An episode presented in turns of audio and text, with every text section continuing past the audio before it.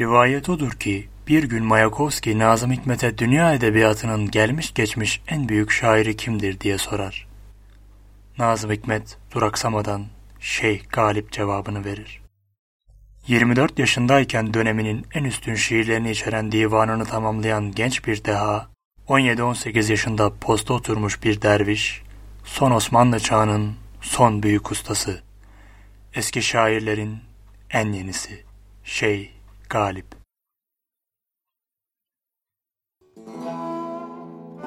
Kalp bir gencedir cismi manın viranesi, Feyz bir bahrı keramettir sözüm dürdanesi.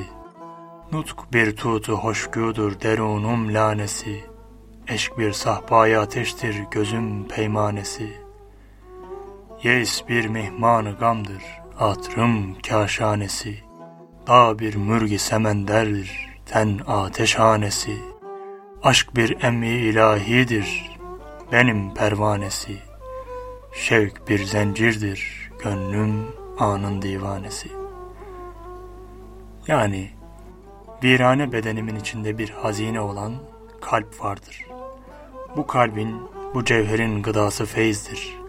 Ve sözlerim o feyizlerin eseridir.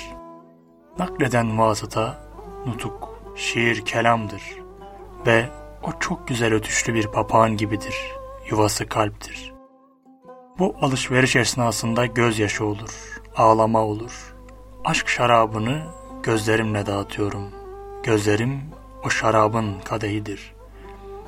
Bu yolculukta kavuşmak söz konusu değildir. Çünkü istenen sonsuzdur. Yolculuk sürekli devam eder. Küçücük bir iğneyle dağlanan beden büyük ıstırap çeker. İbrahim Aleyhisselam'ı da hatırlatarak vücudum o ateş yaralarının mekanıdır. Aşk bir ilahi mumdur. Ben onun etrafında dönen pervaneyim. Şevk zincirinin divanesi benim.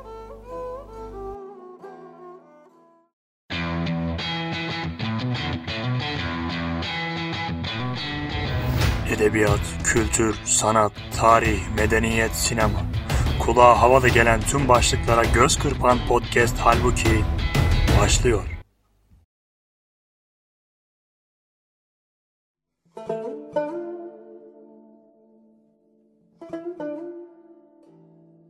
O anda kimsenin haberi olmasa da 1757 İstanbul'un Mevlevi kapısında Türk şiirinin en büyük isimlerinden biri dünyaya gözlerini açtı. Son Osmanlı çağında dünyaya gelen Şeyh Galip düzenli bir eğitim almadı. Mevlevi tekkesinin önemli isimlerinden biri olan Mustafa Reşit Efendi, oğlunun gözlerindeki ışığı gördüğünden olacak eğitimini kendisi vermek istedi. İlk hocası babası oldu böylelikle. Hikayesi büyük adamlarımızın gençlik çağına kadarki hikayeleriyle neredeyse örtüşüyor. Küçük yaşlarında Arapça ve Farsçayı mükemmelen öğrenen Şeyh Galip, Alişir Nevai'yi okuyabilmek için Doğu Türkçesini tamamıyla öğrendi. Hatta Çağatay Türkçesiyle gazel dahi yazdı. Sevdiği şairlere nazireler yazarak başladı şiir uğraşına diğer şairler gibi.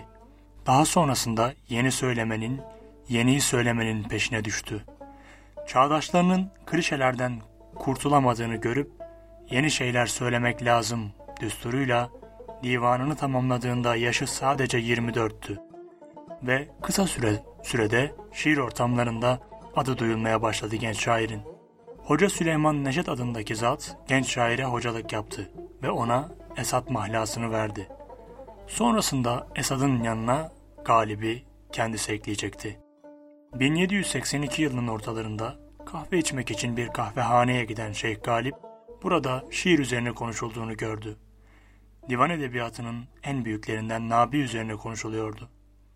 Nabi, hayli abartılı cümlelerle övülüyor, hatta aşılamayacağı söyleniyordu. Konuşmaları uzaktan dinleyen genç şair dayanamayıp itiraz etti. Nabi'yi suçladı. Tartışma uzayınca oradakiler eğer bahsettiklerinin bir temeli varsa daha öncekilere hiç benzemeyen bir mesnevi yazmasını istediler genç şairden.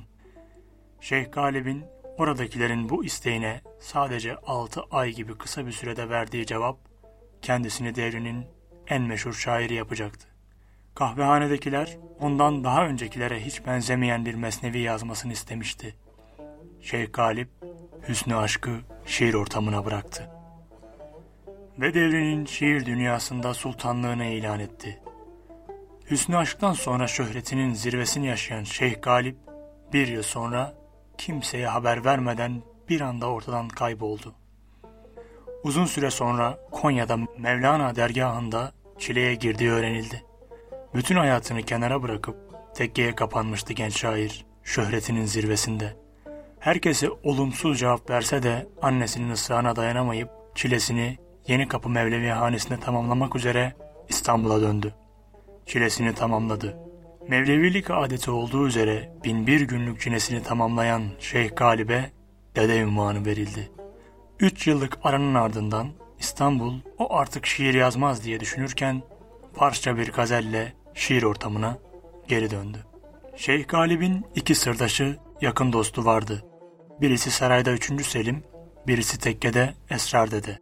Hatta bir gün 3. Selim yakın dostu Şeyh Galip'in dizlerine başını koymuş uzanırken Hazreti Mevlana'yı kastederek dedi ki Pirinizden bir keramet anlatsanız da ferahlasak. Şeyh Galip gülümseyerek Cihan Sultanı'nın dizime başını koyup bana bunu sorması pirimin kerametidir cevabını verdi. Yıllar geçtikçe önce annesini sonra Esrar dedeyi kaybeden Şeyh Galip derin bir hüzne kapıldı. Bugünden bakıldığında kanser zannedilen hastalık Şeyh Galip dedeyi günden güne tüketti. 3 Ocak 1799'da henüz 42 yaşındaki şair ruhunu teslim etti. Eskiler gibi söylersek irtihali darı beka eyledi. Ve bizlere ölümsüz eserlerini bıraktı. Şu meşhur beyti her daim hatırlanması dileğiyle. Hoşça bak zatına kim zübde-i alemsin sen. Merdümü dideyi ekvan olan Adem'sin sen.